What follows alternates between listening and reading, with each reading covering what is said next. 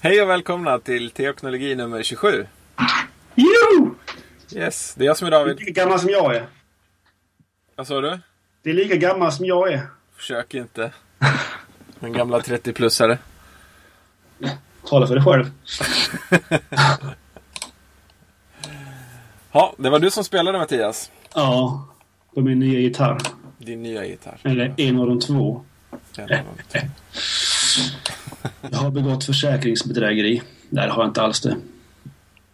Men eh, ja, jag fick en skada på min snart 20 år gamla gitarr eh, i våras. Och jag tänkte inte på att jag hade försäkring. Så, där, så jag tänkte, men det får den väl vara. Sönderriggad så får jag betala 2000 för lagren. Och så ringde jag försäkringsbolaget eh, Trygg Hansa då, som jag kan rekommendera och frågade så kan jag få någon ersättning för att eh, den har gått sönder. Har jag en drulleförsäkring? Jajamensan, vad kostar den? Så berättade jag vad den kostade. Så, ja men då får du 75% av värdet minus självrisken. Och så får du göra vad du vill med dem. Antingen köpa en ny gitarr eller laga gitarren. Så då gick jag in till eh, musikverkstaden i Uppsala. Eller jag tog bussen eller körde bil eller vad jag nu gjorde. Och frågade dem eh, vad det skulle kosta att laga den. Och det var ju typ 2000 ungefär. Eh, och då sa de att det, är, det skulle vara idioti att laga gitarren för det. För det skadar påverkan till ljudet. Eh, sådär. Så då tänkte jag, men kan jag väl spara pengar då? För jag har ju funderat på att köpa en ny gitarr i tio år. Och så gick jag in i deras eh, eh, luftfuktkontrollerade rum som de har där. Och spelade lite som jag brukar göra och så hittade jag en gitarr. Jag blev kär i den och tänkte nej men det här är onödigt, jag kan inte köpa en ny gitarr nu.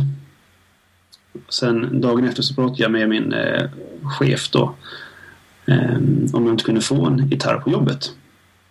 Men jag har använt min egen gitarr på jobbet i fyra år nu tänkte att det kanske är smart att ha gitarr som arbetsverktyg. Och då fick jag köpa en ny. Så gjorde jag det för jobbets pengar. Och sen kom jag på att men, men så de här pengarna som jag har, det vore ju kul med en gitarr till. Så nu har jag tre gitarrer. Man kan ha för många gitarrer. Jag har en kollega som har typ 20 gitarrer. Han spelar på alla samtidigt förstår jag. Nej, han gör ju inte det. Men han har backup. Alltså han har typ två eller tre av varje gitarr typ. Sådär. Om någon skulle gå sönder på en spelning. Ja, ja. Sådär. Ja. Jag har länkat till de gitarrerna som eh, jag har köpt. Vilken är vilken då? Ja, Big Baby, det är den som ni inte hörde nu. Eh, den har jag köpt på jobbet då.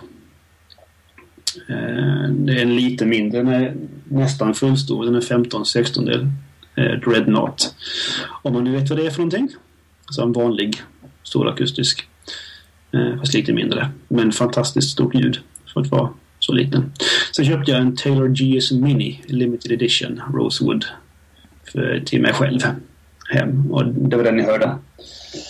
Och jag tror inte att eh, ljudet riktigt framkommer i den här burkiga inspelningen men den låter fantastiskt grymt för att vara så liten. Den är alltså ungefär som en nylonsträngad gitarr i storleken.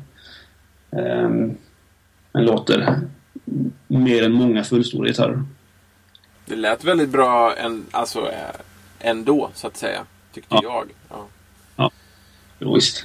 Alltså det lät ju roligare än många sådana här nylongitarrer man hör på jobbet eller så. Ja. Jo, men det bör den göra med tanke på vad den kostar. Såklart. Ja. Ja, Så jag är väldigt nöjd. Det förstår jag. Det är väldigt kul med nya gitarrer. Ehm, Jag spelar väldigt mycket nu. Nästan ont i fingrarna. Ja. Och så fick jag faktiskt testa dem på en spelning. Eller jag har haft två spelningar. Jag har fått testa båda två. Eh, Och de fungerar även live, uppmickat. Och det är roligt.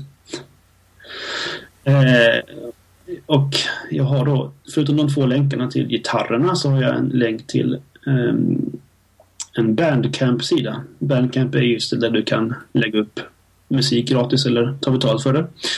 Och den här sidan det är Mars Hill, alltså Mark Driscolls eh, Mars Hill, inte den andra som heter Mars Hill Bible Church. Det är alltså den som Rob Bell är i. Utan det är den i Seattle, inte eh, Rob Bells före detta.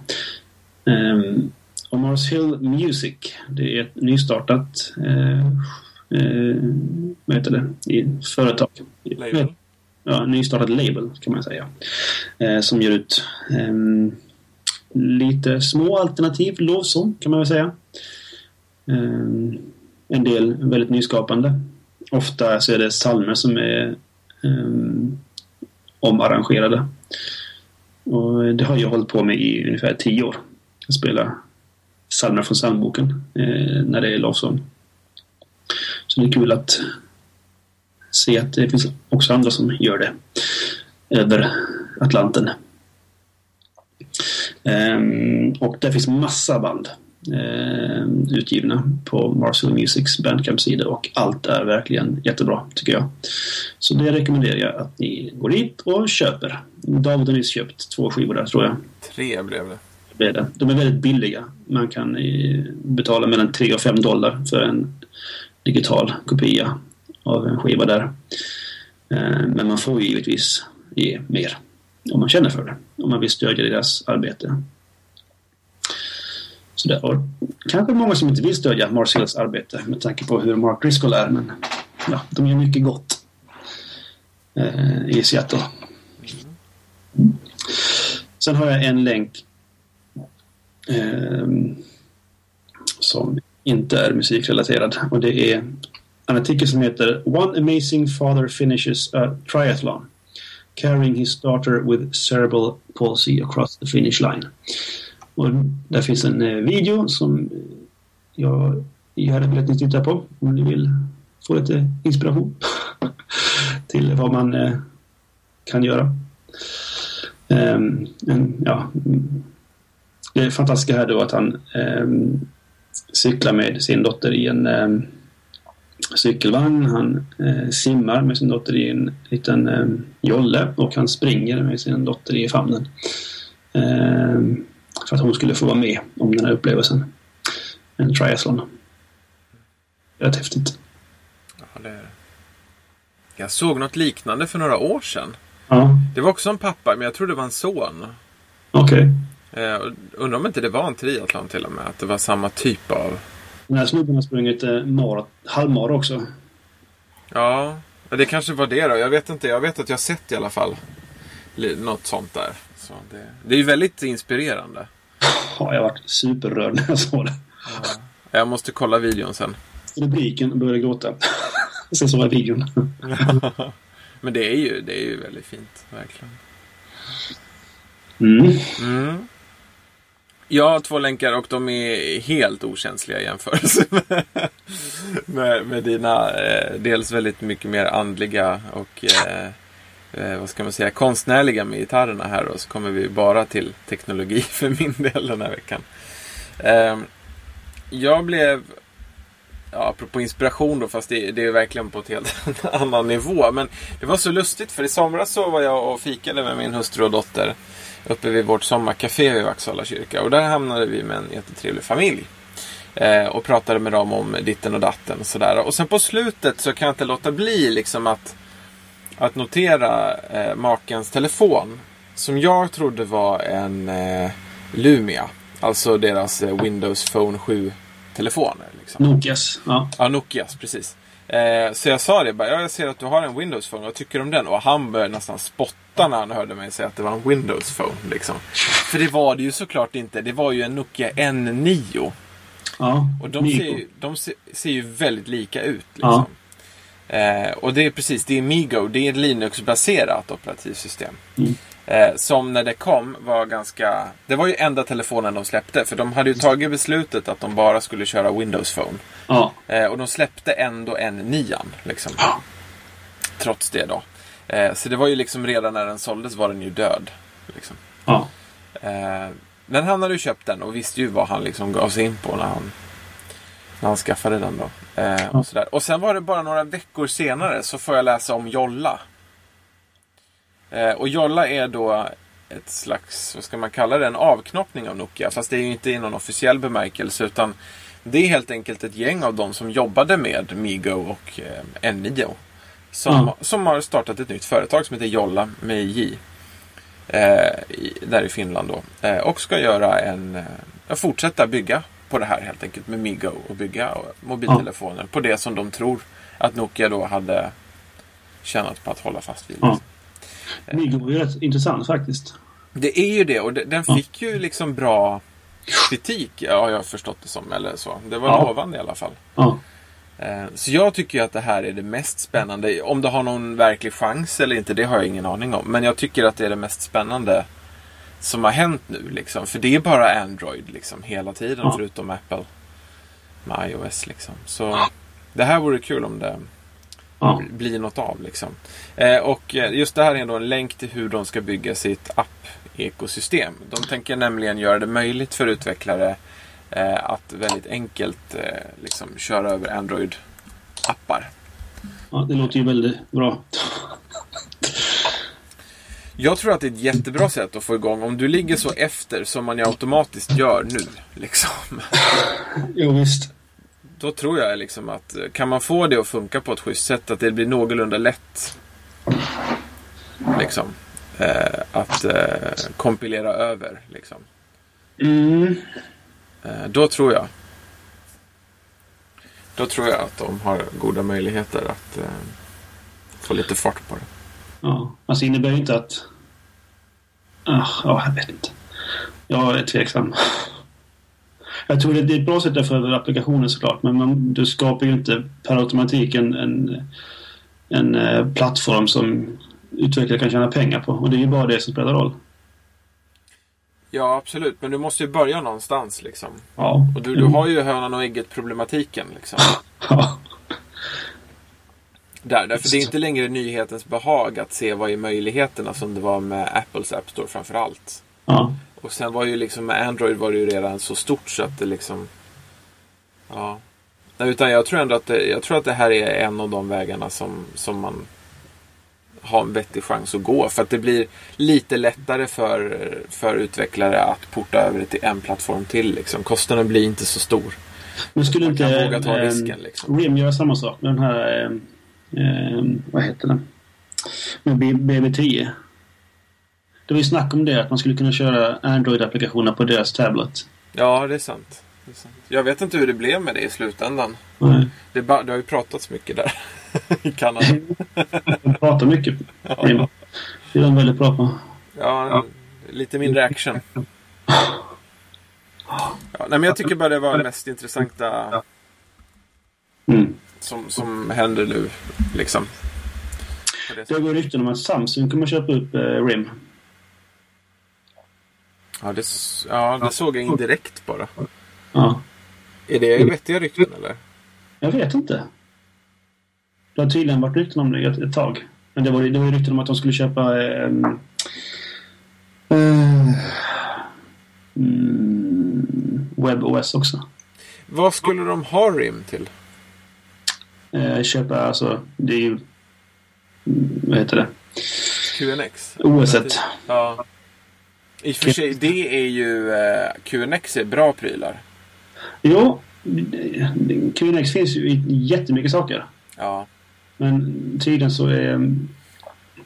eh, Efter vad jag har läst så är det som är inte så bra med QNX det är att det inte är särskilt eh, anpassat för, att- för media. Jaså. Det är en stor akilleshäl. Ja, Det är, de det är ju gjort för, för liksom lätta klienter. Alltså det finns i kassaapparater och, och medicinsk utrustning. Ja. Men inte i utrustning som är liksom anpassad för ja, det vi använder telefoner och tablets till. Nej, alltså vet du, jag körde QNX på min PC på slutet av 90-talet. Det förvånar mig inte överhuvudtaget. Men det var alltså ett desktopsystem då. Ja. Med skrivbord och webbläsare. Och... Ja. Det var ju väldigt eh, outvecklat. Det var ju liksom lite i eh, svallvågorna tror jag där i samband med BEOS. Och, Ja. och allt det där med olika alternativa system och så. Och då var det väl en grej de testade det företaget. För det var ju inte RIM som ägde dem då. Utan Nej. de köpte ju upp eh, QNX-företaget. Någonstans längs med vägen. Liksom. Mm. Eh, Så jag vet ju att det har ju, det har ju hängt med ett tag. Men det, det, det kanske är efterblivet i vissa avseenden. Det är klart, att ha sin egen plattform är väl mycket av det som är problemet idag för, för dem. Ja, för alla Android, Android-tillverkare i stort sett. Ja. De har inget att komma med mot de andra liksom. Fast då är ju Samsung ändå i bäst läge av alla. Ja, det är de enda som tjänar pengar. Precis. Alla andra går back. Så det det är ju rätt tråkigt. De går back och sen så har vi nästa länk här då där det står att, eh, fast jag vet inte om det stämmer just idag, men Apple is now the most valuable company in history. Mm. De har högst, eller hade i alla fall häromdagen, högst värde. Mm. Det är intressant. Eller ja, det, det var kanske inte så förvånande heller, men Det är inte alls förvånande. nej. Sådär, men det är noterbart. Ja, det är ju det. Okej. Yes. eh, En liten kommentar till det. Mm. Det är till och med så att, eh, vad var det? iPhone-marknaden, alltså det totala värdet på iPhone-marknaden är större än både Microsoft och Google. Det är så stört. Det är helt sjukt. Ja. Vi har ett ämne. Twitter. Twitter och sånt. Ja. Men vi börjar med Twitter. Ja, det kan vi göra. Det har varit lite um, rumblings på Twitter om Twitter. Sen de släppte, eh, var det version 1.1 av sina nya, ja, sina APIs. Mm. Och de är i vanlig ordning svårtolkade och jag har en del försökt att tolka dem. Marco, eh, Arment, är en av dem. Den som gör Instapaper om det. ni vet Ja, det. precis. Han som har gjort Instapaper. Han som har eh, Build and Analyze på 5x5. Um, nu ska vi se vad han säger. Man kan väl sammanfatta det som att han aldrig skulle satsa på att arbeta med Twitter Idag, nej. idag. Mm. Allt, allt det här handlar ju om att Twitter har ju... Alltså... Twitter har ju valt att försöka tjäna pengar genom annonser. Eh, genom att på, ha sponsrade tweets och, och, och sådana här saker. Och då behöver de ha väldigt hög kontroll över upplevelsen för oss användare. Och för väldigt många av oss användare så är det inga... Är det här helt ointressant. Alltså...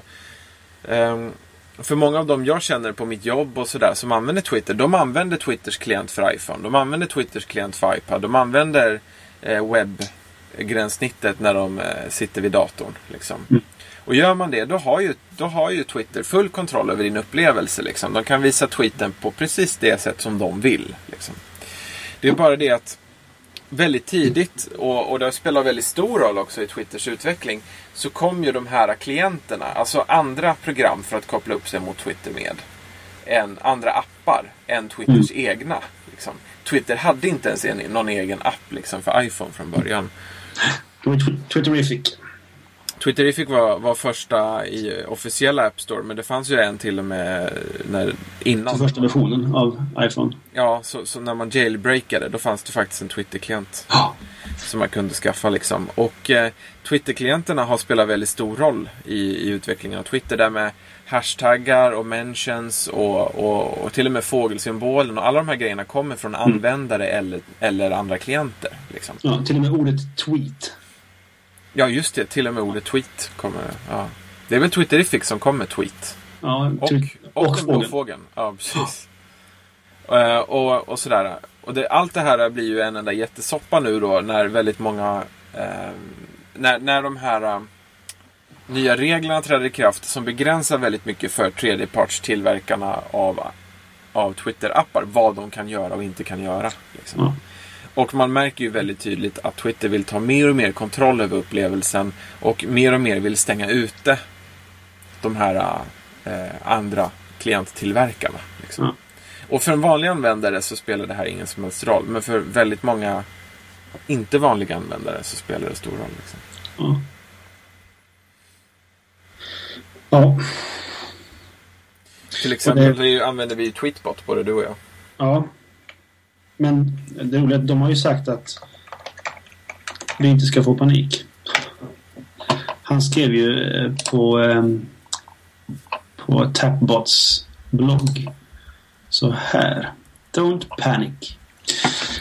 There's been a lot of fear, uncertainty, and doubt generated by Twitter's latest announcement.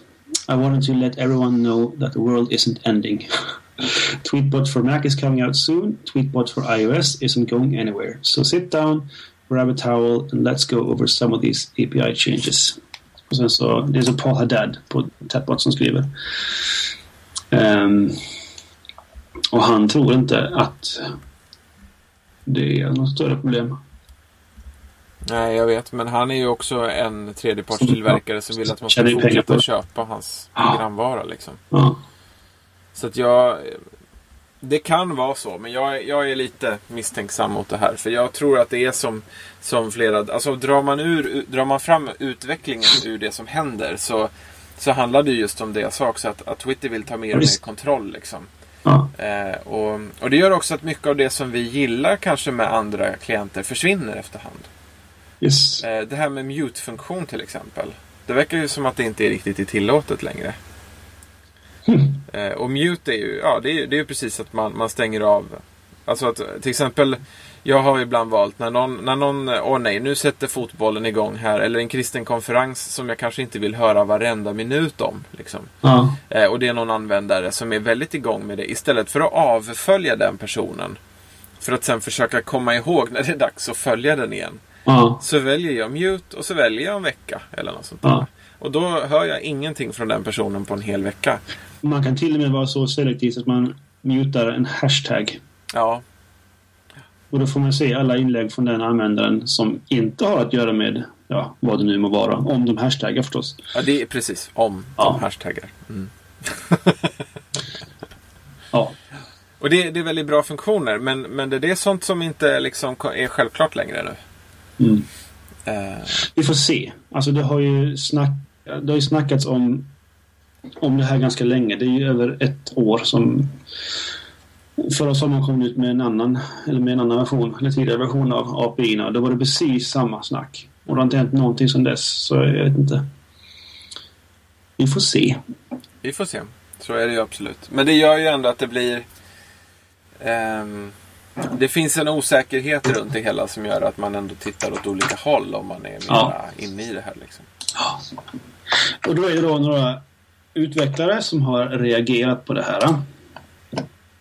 Jaha, du har lagt in redan? Don't panic. Ja, det gör inte jag det.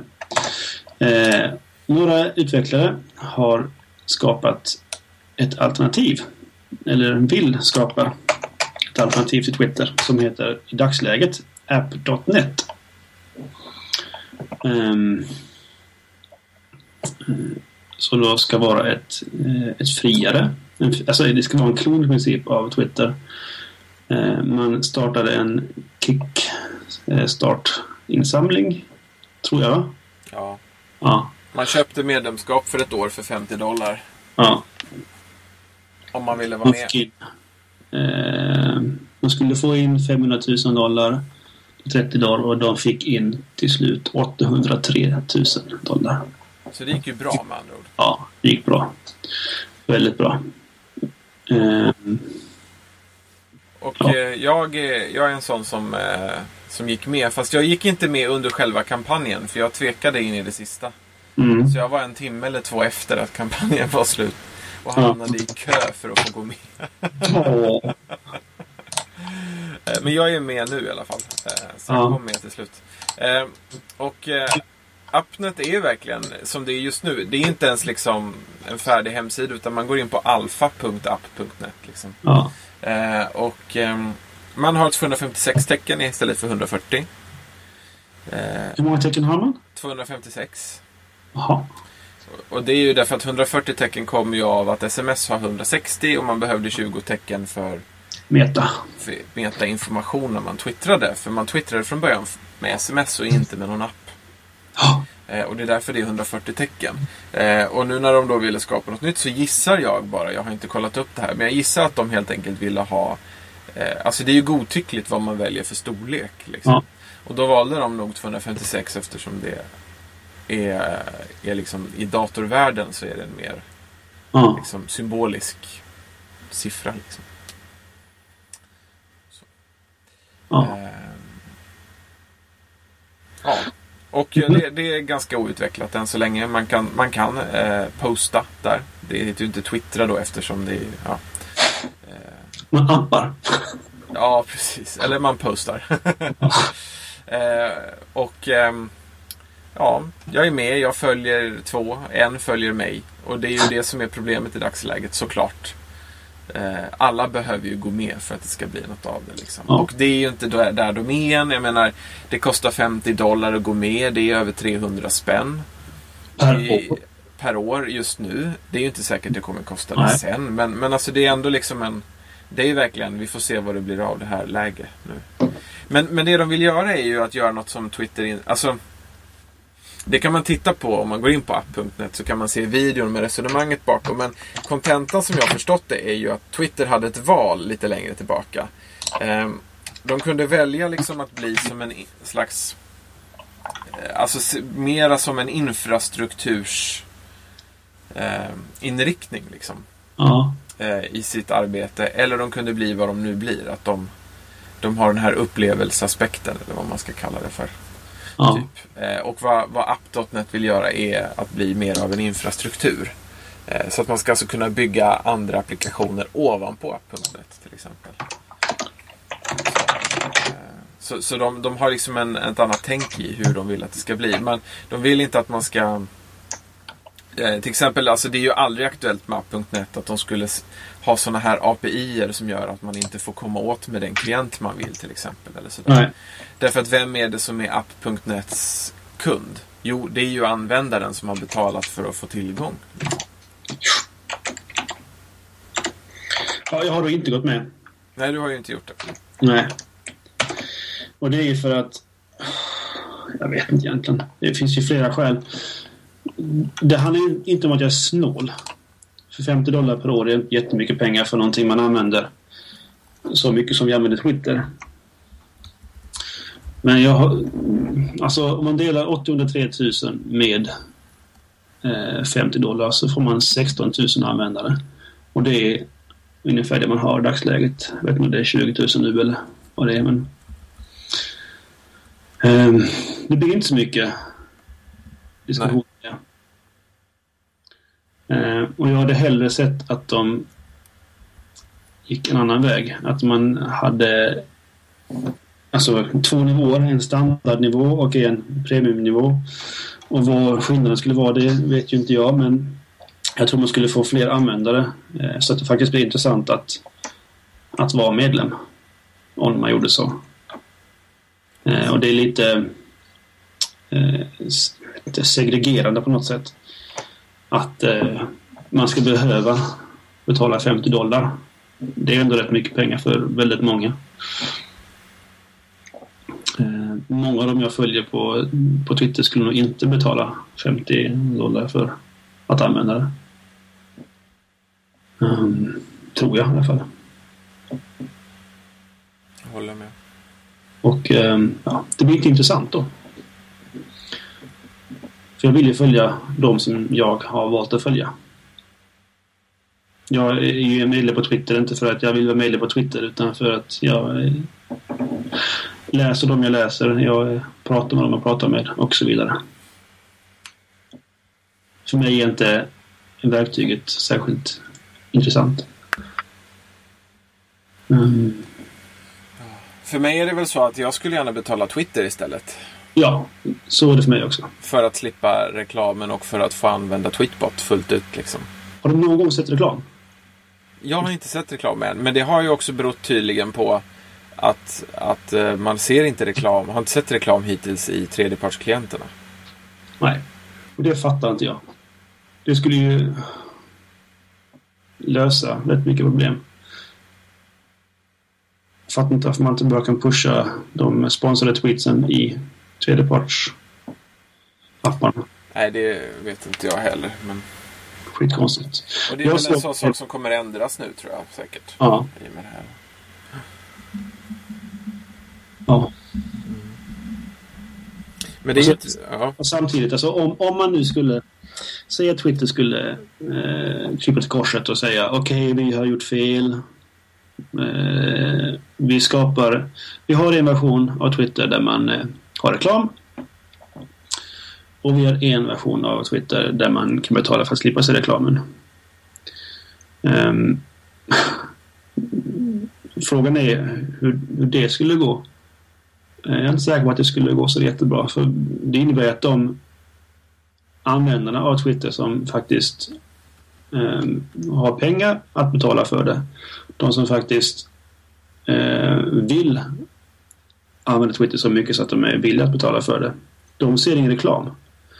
Um, och frågan är om de som betalar för annonser Eh, på Twitter. Är så glada av det. De bästa användarna kommer ju inte att, att se reklamen då. Precis, de som är troligast att faktiskt eh, köpa ja, något. Precis. Nej, och det är därför de är, nog aldrig kommer att lansera den modellen heller. Liksom. För att det, det, det konkurrerar mot varann, varann, varandra. Liksom. Ja, och det, det är ett problem med, med reklam. Eh, inte med eh, användarna, inte med Twitter, utan det är ju den här hela reklamfinansieringskulturen. Det är det som är problemet tycker jag. Ja. Eh, det är bara fel. Eh, jag kan inte komma på en, någonstans där jag vill se reklam. Um, jag håller med. Ja. Men då finns ju spoof-sidan ihavefiftydollars.com. ja. Ja. Som vill göra det till en elitgrej, liksom, att man har 50 dollar att betala med. Ja. Um, och allt det här blev ju en... Uh, det har blivit en del diskussion om det här och jag har länkat också till det om man vill kolla på det. Det är en diskussion på Huffington Post.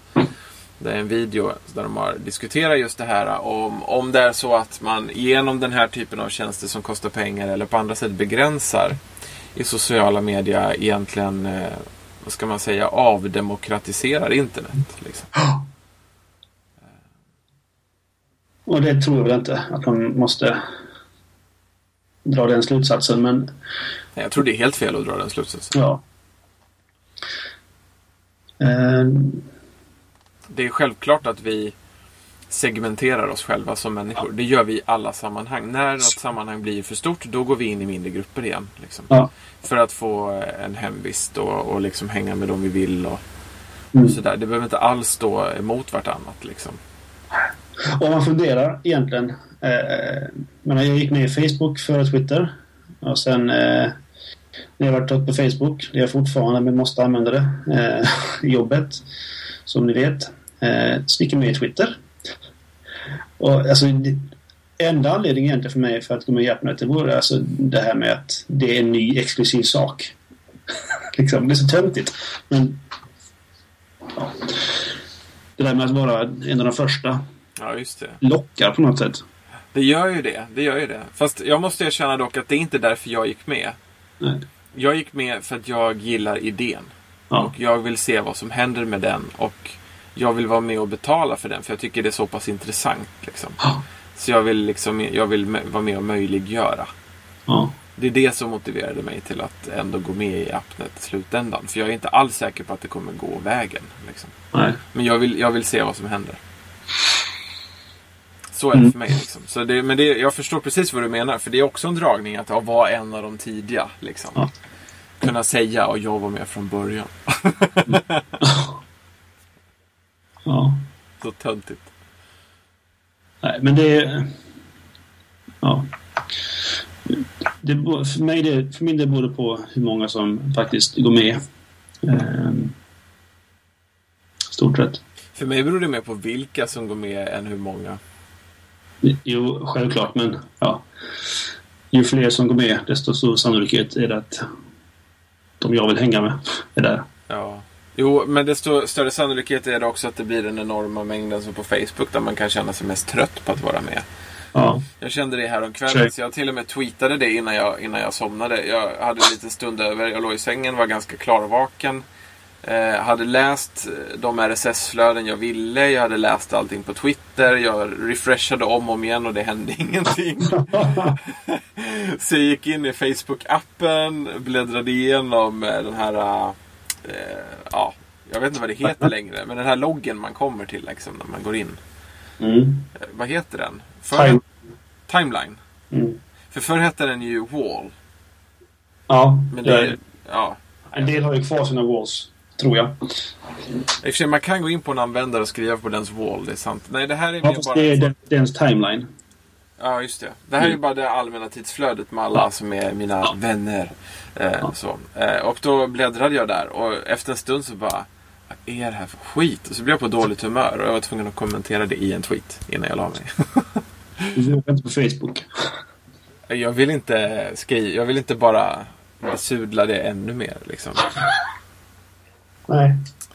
Så det, och det, det är ju den här viljan till segmentering men också för att folk verkligen skriver precis vad som helst. Och då är det en annan länk jag har med här som faktiskt också kopplar lite till det här. The Rise of the Less is More Selective Social Network.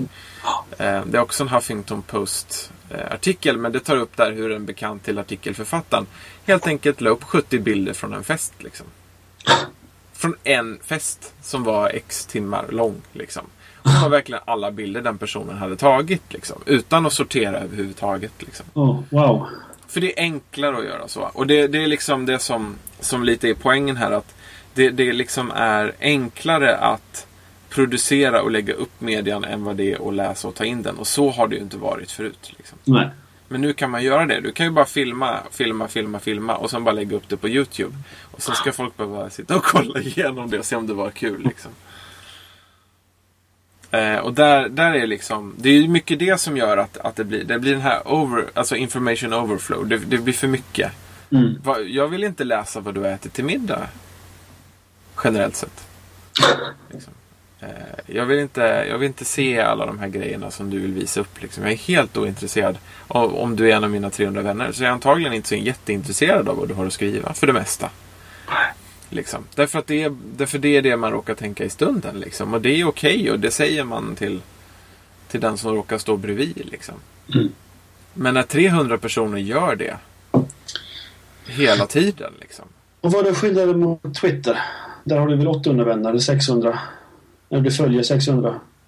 Ja, det gör jag.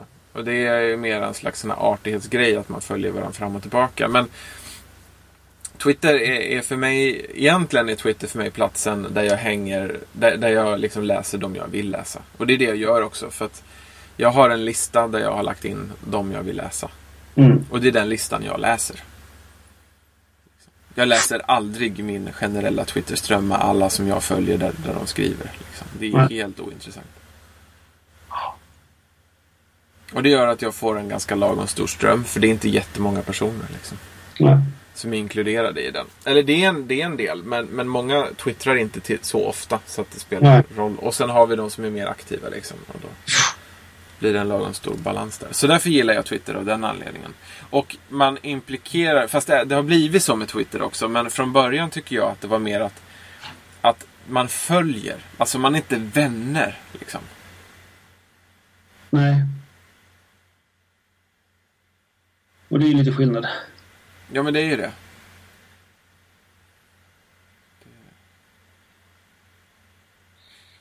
Och sen Ja. har vi andra varianter. Path till exempel. Som är jättebra. Det är Förutom så buggigt bara tycker jag. Ja, för mig är det. Jag har inga problem längre. Det kraschade ju väldigt mycket förut. Ja, Men nu fun- fungerar det bra för mig. Problemet är ju bara att det är samma problem som Appnet. Inga användare. Eller väldigt få. mm.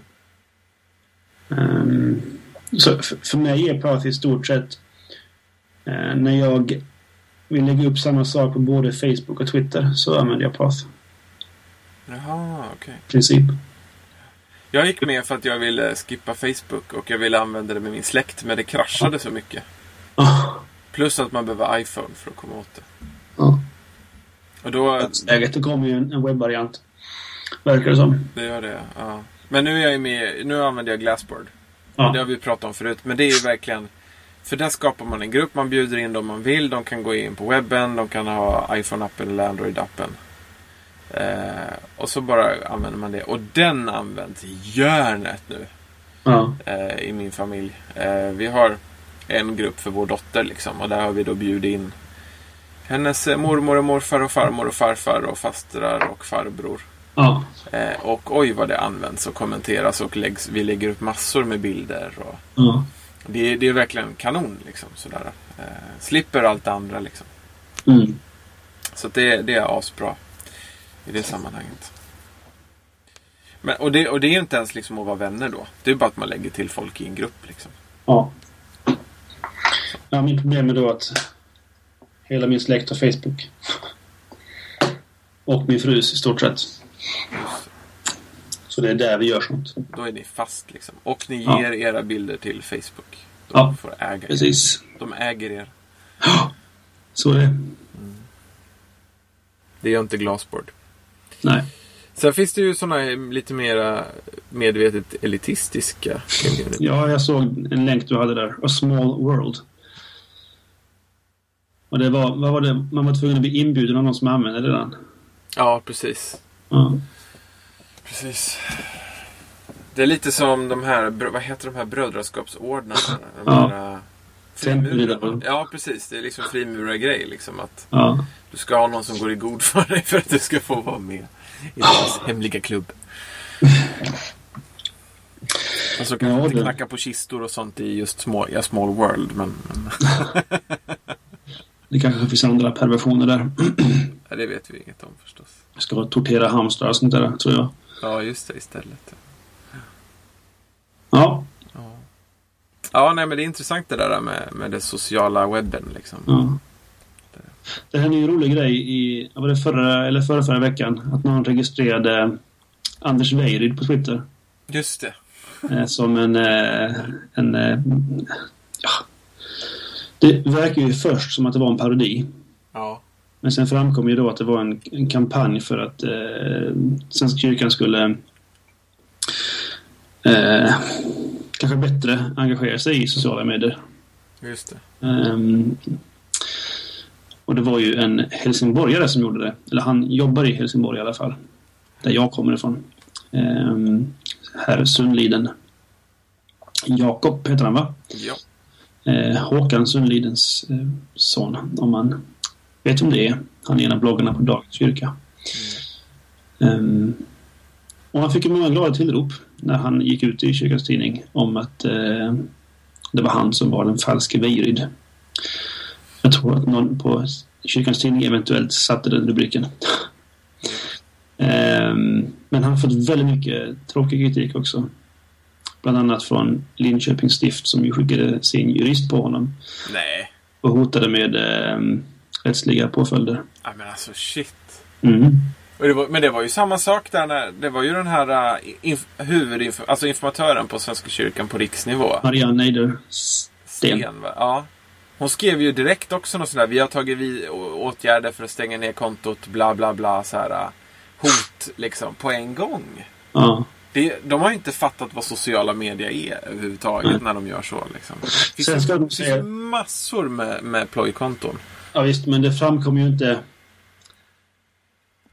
Han hade kunnat gjort det bättre i, i beskrivningen av kontot. Det stod ju icke-officiell.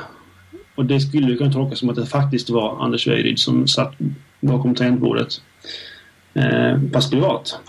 Han hade ju kunnat skriva Ops fake-konto eller något sånt där. Ehm, Det var ju ganska tydligt ändå att det inte var han. Eh, Ja, för oss. Ja men det är ju icke-officiell, det är ju en person, det är ju inte en organisation liksom.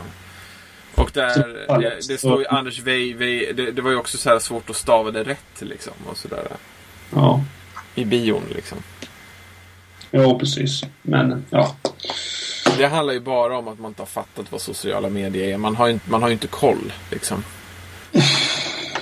Ja men de går och hotar liksom. Ja, visst. Vi är i kyrkan för sjutton. Man kan ju prata med varandra innan man börjar hota Ja. liksom. Men nej, det är tydligen inte.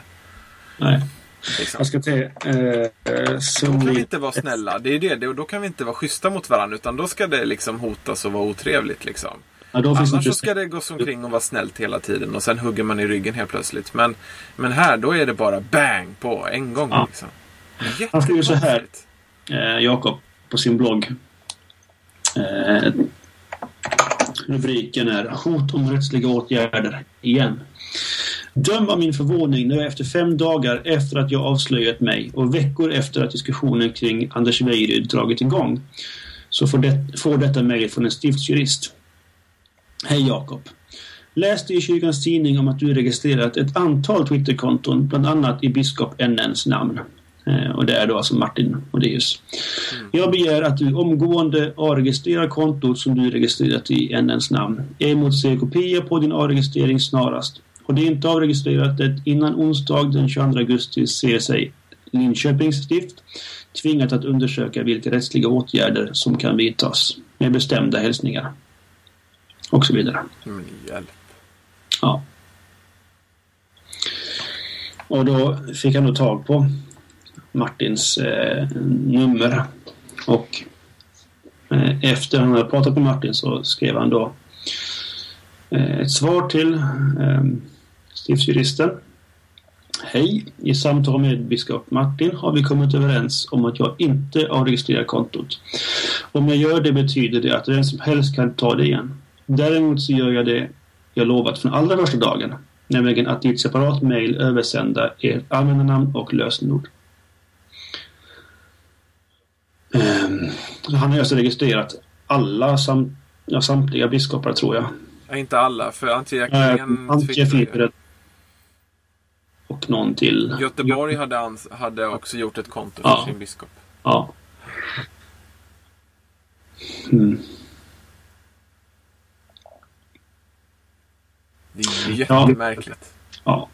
Men just det, alltså det här med att inte vilja ta samtalet. Eh, det är ju rätt beklämmande.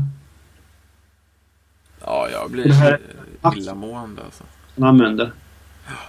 Maktspråk på en gång. Ja. Det är tråkigt. Ja, vi får se om det kommer något positivt ur det.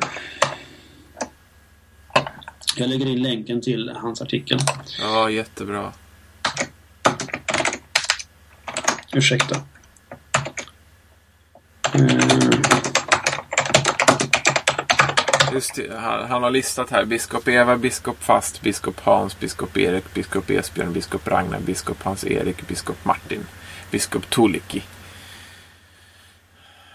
Kontona ska överlämnas till respektive stift. Jag kommer inte att twittra från dem. Mm.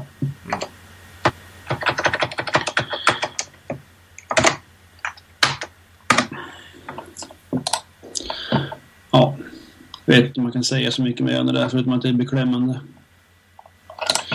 Ja, det stod någonstans om att han hade kapat också. Ja, det var i dagen. Ja, så här, kaparen eh, visar vem han är och man bara, vadå kaparen? Kapa betyder ju att man har stulit liksom. Han har ju inte tagit det från någon. Det är så märkligt. Ja. Här ska vi se, jag hittar artikeln på dagen. Mm. Jag tycker att man skulle be om ursäkt. Ja. Det tycker jag verkligen att man skulle göra. För det är inte schysst liksom. Nej. Det är det ju inte. Ryd söker vi på. Nej. Kontot ja, det... är nedstängt eftersom det tydligen ska stå i själva namnet att det är fake parody eller något eller ja. något sånt där. Precis. Så. Anders Weirids namn kidnappat på Twitter. Är rubriken. På dagen. Så ingenting att kapa. Jo. Självklart har det kapade kontot skapat debatt. Mm. Ja, förutom att det då inte var kapat. Det var inte registrerat. Precis. Nej, det, det, jag tycker det, det säger mycket. Det, det säger det om vår förmåga att hantera sociala medier. Liksom. Mm. Som kyrka. Ändå tror jag att Svenska kyrkan är ganska långt framme i jämförelse med många andra samfund. Ja. Organisationer. Um, alltså det är många personer är ju ute. Jag menar vi är ju där och... Många från kansliet också. Ja. Många informatörer har Twitterkonton. De twittrar flitigt. Mm. De är egentligen minst intressanta i sammanhanget eftersom det är ju som jag har förstått så är det alla pratar om i sociala medier det är ju faktiskt att, att de personerna som är till exempel inom en organisation som Svenska kyrkan. Det intressanta är ju präster, pedagoger, assistenter av olika slag. Och, alltså Ja. vi som jobbar i församlingen. Liksom, och, och kan verksamheten och är... Både ja och nej. Alltså, jag tror att, att kyrkans eh, stora utmaning det är att få eh, den vanliga gudstjänstdeltagaren, den vanliga församlingsmedlemmen att eh, vara aktiv i sociala medier. Det tror jag är den stora utmaningen. Att eh, rusta dem. Ehm, faktiskt. Jo, jag håller med om att det är en viktig sak. Men, men jag tänker i... Ja, jag tror att jag, utan att säga det, så tänkte jag nog just utifrån när det gäller kategorin anställda. Så, Mm, så är det ju en, en informatör som, som har ett konto. Eh, dens arbetsuppgift är ju att jobba med, med information om vad andra gör. Liksom. Och, Ja. det, och det är därför det blir en... Det blir inte lika intressant. Det var det jag menade med en Ja, informatör som twittrar. Därför att den har inte på samma sätt fötterna i verksamhetsmyllan. Sen kan det vara lika intressant som människa såklart. Men hänger du med på vad jag menar? Ja, och så, kan, så är det säkert i många församlingar. Eh, vår informatör, hon går på våra gudstjänster och är med i. Alltså, vi är inget, det är inget stort arbetslag så att eh, hon kan vara närvarande i verksamheten på ett annat sätt och vad som händer och Mm. vad vi funderar på och sådär. Så det är nog från församling till församling tror jag. Mm. Sådär. Ja, det är det nog. Det är nog det. Jag bara tänker spontant så att det mer intressanta är ju liksom när de som har öppen förskola själva twittrar till exempel. Det är ju intressantare än, än om en informatör skriver om öppen Ja. förskolan. Liksom. Visst, Så. det är det ju. Men inte för att förta det, det är bra att informatörer finns. Men det är ju viktigt att de lär sig mediet då. Ja. Absolut. Det är lätt att sitta här och vara kaxig. Jag har ju inte själv suttit på kyrkokansliet och, och, och fått eh, kaffet i vrångstrupen när jag upptäcker att någon annan har Anders Weiryds konto. Liksom. Det är klart att man, det måste ha varit ganska stressande i stunden. Liksom. Ja, jo, jag tror det. Alltså, jag tror att det var... Och det visar väl till viss del på den dåliga beredskapen som kanske fanns för att något sånt där kunde hända. Ehm, sådär. Jag känner ju en del av de som jobbar med information på, på, eh, på kansliet och de är verkligen de är skitduktiga. Ehm, så det är nog mer en fråga om, om, ehm, om beredskap och att de reagerar med magen främst. Eh, Ja, det hade ju varit önskvärt med ett samtal med eh, Jakob innan man började hota om saker. Ja, verkligen. Det känns liksom mer kristet. På något vis gör det ju det. Man kan ju liksom bara i all vänlighet fråga först. Liksom. Ja. Ja. Ja. Ja, det känns bara så främmande. ja. Jo, det gör det. Mm. Men det är, jag, jag kan tycka det är lite dubbelt också med, med det här. eh, Liksom, för jag tycker någon, nu har jag ingen länk på det, men jag tycker att det också har kommit så här lite att, och det är ju vi själva också nu sitter och säger delvis att kyrkan är efter och, och sådär liksom. Men, men, men som du, och det var väl du som sa också att det, vi är ju inte så jätteefter på alla sätt. Och, eh, och så så vi, får inte, vi får inte vara för tuffa heller liksom. Jag menar, Marianne Eidersten till exempel, med fler har ju egna Twitterkonton. Alltså på något vis, det, det, menar, det är ju liksom... Nu var väl det en miss då, men det finns ju ändå en medvetenhet. Jag menar, jag vet ju många informatörer som har Twitterkonton.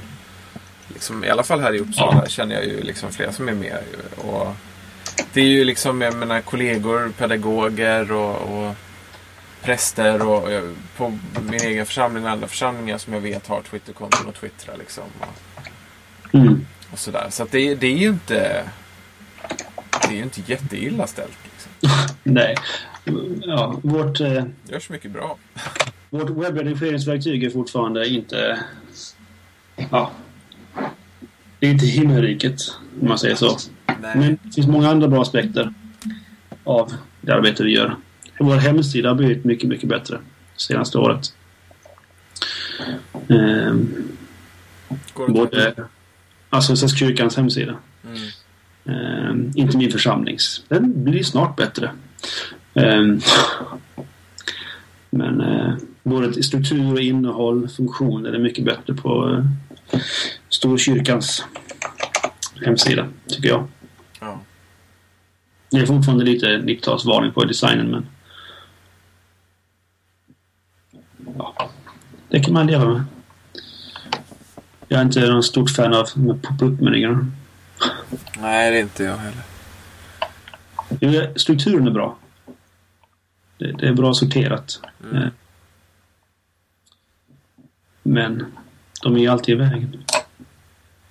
Och nu finns det en responsiv, eh, alltså en, en mobilanpassad. Jag tror att den är responsiv i alla fall, jag ska kolla. Det finns i alla fall en mobilapp. Den är inte responsiv, hemsida, men den blir det så småningom. Det finns en, eh, en eh, mobilanpassad variant som faktiskt är bra. Mm. Det är väl ett steg i rätt riktning. Absolut. Yes, har vi något mer? Nej, jag känner att vi har mjölkat det här klart. Mm. Då har vi bara ökenfäderna kvar. Nu måste jag komma på den vi... Eller, ja, den vet vi. Det var ju Antonius. Men vilket ordspråk det var. Jag har ju inte lyckats hitta min bok den här gången. Nej.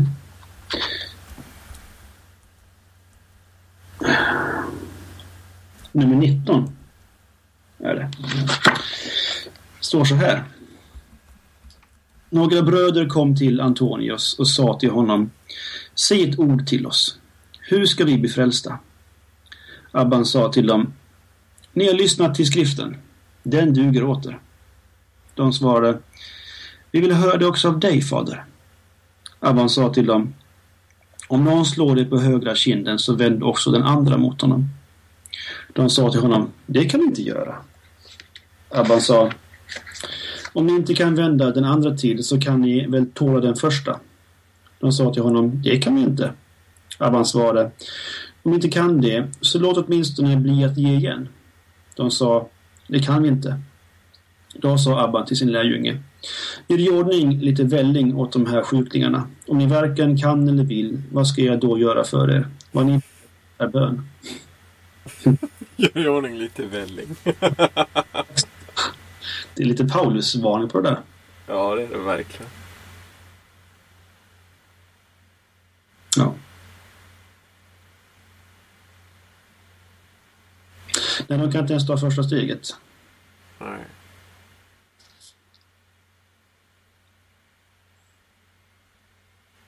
Vad ni behöver är bön. Det är ju liksom det här med impulserna på något vis va?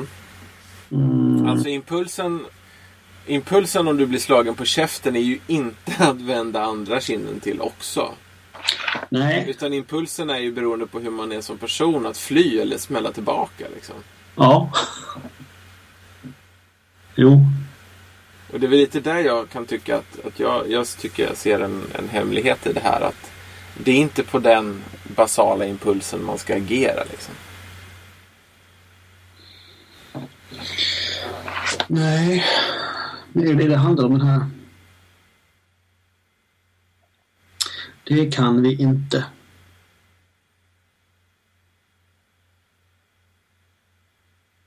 Mm. Jag tror det, ja, det handlar väl mycket om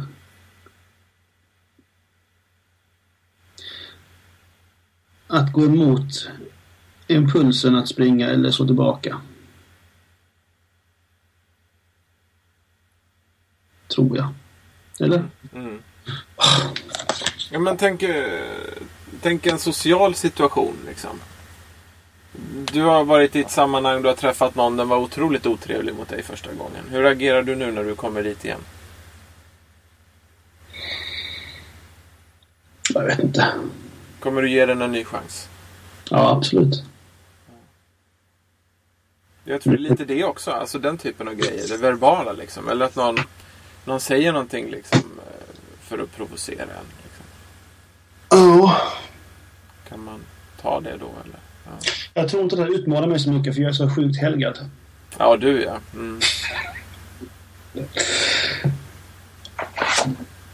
Ja. Jag tycker att den är lite provokativ. Efter, eftersom det är liksom... Därför att jag tror vi alla kan komma på situationer när vi absolut inte tycker att det är en klok idé att vända andra kinden till. Ja, självklart. För det är liksom ett tecken på dumhet också att bara stå, stå kvar och inte, och inte reagera på det som händer. Liksom. Mm. Men det, det, det är det jag tror att... eh, Liksom, jag, jag har svårt att tro att det är det Jesus eller sen Abba, Abban försöker komma åt. Att man, att man ska vara för dum för att reagera. Nej, det handlar väl om att ödmjuka sig. Ja, precis. Så. Som en medveten handling. Liksom. Mm, precis. Och jag tänker lite på alltså just att dela Kristi lidande på, på något sätt också. Om Jesus inte slog tillbaka vid korset, inte sprang iväg från korset, utan stannade kvar i lidandet. mm, Så kanske det är vårt kall också att inte springa iväg. Mm. Ja, precis. Det är lätt fromt. Mycket. Mm. Vi kanske ska stanna där. Du, det känns som det. Ja. Vi kan inte Ja, Fromt avslutar. Ja, jag som tänkte precis säga att nu kan vi inte mjölka mer ur Antonios, men det var ju inte så fromt. Nej. Du tar bort det va?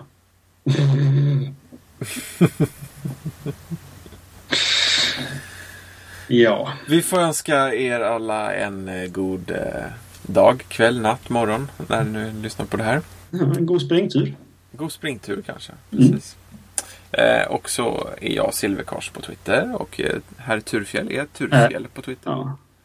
T-H-U-R-F-J-E-L-L Mm. fortfarande. Och så finns vi också på att teoknologi. Eller på reagera snabel-a teoknologi.se. Hör gärna av er. Ha det gott, hejdå! Bye bye!